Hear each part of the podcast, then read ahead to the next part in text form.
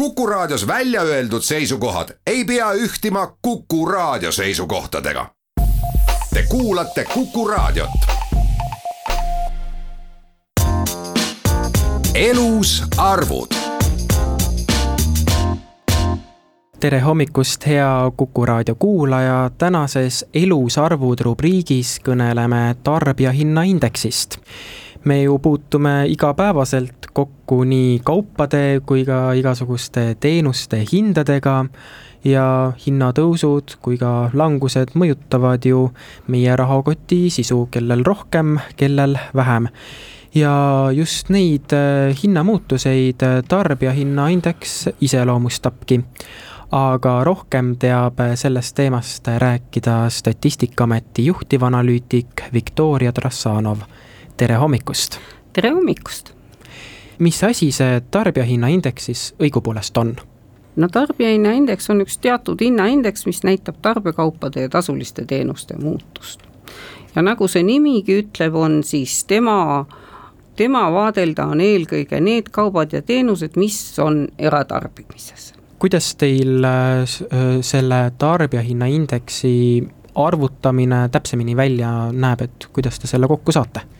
Tarbijahinnaindeks siis nagu kõik indeksid koosneb kahest poolest, üks pool on nõndanimetatud tarbijahinnaindeksi puhul osakaalude pool ehk kulutuste kulu, kõik tarbi, eratarbimist tehtavad kulutused jagatakse kaheteistkümnesse suurde põhigruppi, kasutades rahvusvahelist klassifikaatorit ning nende osatähtsused siis meil uuendatakse igal aastal. Ning need määratakse siis mitmesuguste, mitmesuguseid andmeid kasutades, nii Statistikaameti andmeid kui ka mitmesuguste ettevõtete ja riigi, riigiettevõtete riigi ja riigisektori andmeid kasutades, kord aastas siis töötatakse välja nõndanimetatud kaalud ehk kulugruppide osatähtsused ning neid kasutatakse aasta jooksul ja teine pool on siis hinnad. Nendele kaubagruppidele valitakse siis esinduskaubad kasutades jälle kõike meie käe käes olevat informatsiooni ning nendele, nende hindu siis jälgitakse läbi aasta.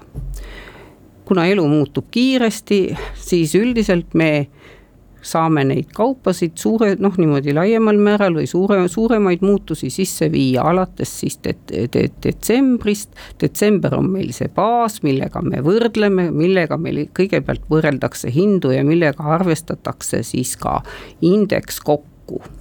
kui vaadata viimaseid andmeid, mis siin eelmisel äh, nädalal tulid äh, tarbijahinnaindeksi kohta, siis on märgata, et et see on ikkagi kasvutrendis olnud, et mis on selle kasvu taga olnud?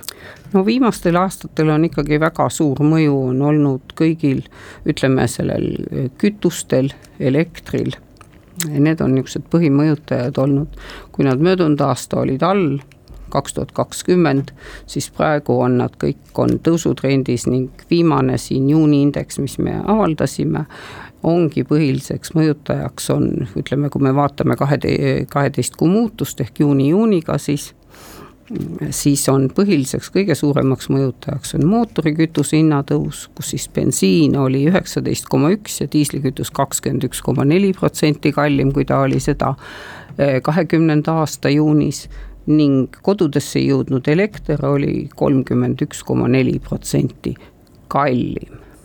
miks me ütleme kodudesse jõudnud elekter, just nimelt seepärast, et elekter, elektri hind ei koosne nüüd võim-, kodu, ainult elektrist, vaid seal on sees veel võrgutasud, taastuvenergia tasu, aktsiis ja, ja kui tavaliselt on jutt nagu elektrist, siis me üritame seda eristada just nimelt, et see on see lõpphind, mis jõuab, millega ta jõuab tarbijani kas äh, üldiselt võib öelda, et kui see tarbijahinnaindeks kasvab, et kas siis hinnad lähevad kallimaks või kuidas sellega täpsemini on? noh, seal sees võivad hinnad minna nii odavamaks kui kallim, hinnad iseenesest võivad tõusta või langeda.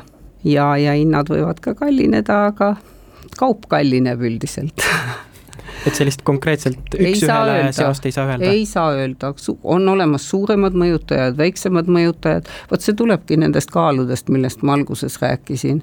et olenevalt osakaalust, miks nad pääsevad pilti, miks nad rohkem pääsevad pilti, just nimelt, et miks me tihtipeale räägime sellest mootorikütusest, kuna, kuna eestimaalased eh, selles eh, kulutustes on sellel väga suur osa, meil on ju väga autostunud see maailm ja need teatavasti ikkagi enamus sõidavad bensiini ja osa ka diisliga.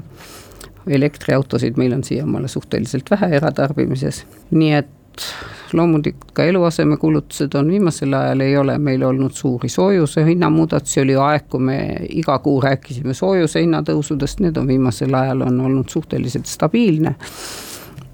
aga elekter oli eelmine aasta oli näiteks oli väga all, aga nüüd see aasta on jälle kiiresti üles läinud kui vaadata natukene ka välismaale, et, et mis seal toimub, et kuidas meil siinsed hinnamuutused on erinenud teistest Euroopa liikmesriikidest? võib-olla siin rääkidagi lähemalt just nimelt naaberriikidest?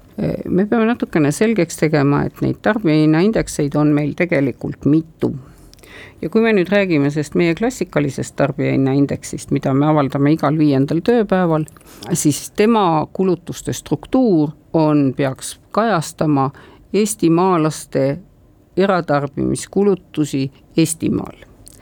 ja kui me nüüd räägime Euroopa suunal võrreldavatest indeksitest, need on tarbijahindade harmoneeritud indeks, siis nende põhimõte on niisugune, et nemad peaksid kajastama, nende kulutuste struktuur peaks kajastama eratarbimiskulutuste struktuuri Eestimaal, mis tähendab eesti keeles välja öeldes seda, et väliskülastajate kulutused tuleb juurde panna, mis muudab või vähemalt varasematel aastatel on meie seda kulutuste struktuuri tunduvalt muutnud, noh, meil siin teatavasti ju, kuidas selle alkoholiga oli ja ja kõik hotellid ja kõik see, see sektor, ühesõnaga ta muudab kulutuste struktuuri ära ja need muutused võivad olla erinevad, kuigi nad tulevad ühe sama hinnakorje pealt.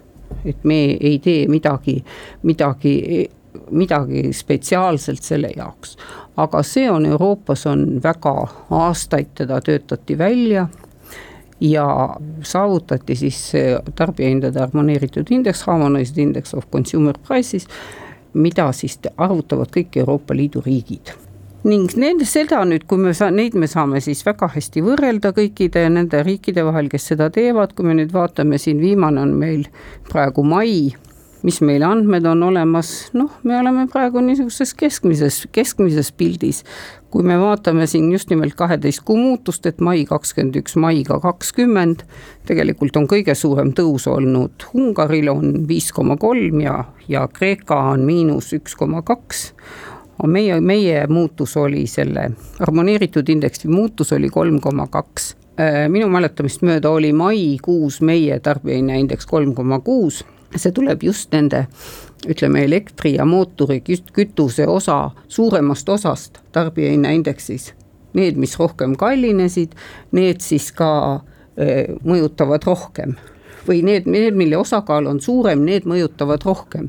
ja kuna selles tarbijahinnaindeksis on, on nende osa suurem, siis on ka indeks, indeksi tõus suurem.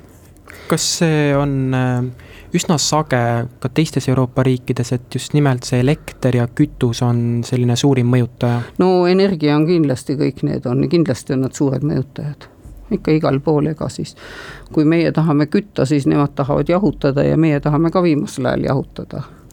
on teil lõpetuseks veel midagi lisada? ma arvan, et see tarbijahinnaindeks on meil ikkagi küllaltki niisugune usaldusväärne näitaja üldiselt me soovitame kasutada tarbijahinnaindeksit mitmesuguste mm, ütleme kasvõi lepingute juures või, aga kui, kui seda tehakse, siis tuleb see sõnastus väga täpselt välja öelda, et pärast ei oleks arusaamatusi, kui muutuvad lepingupartnerid. elus arvud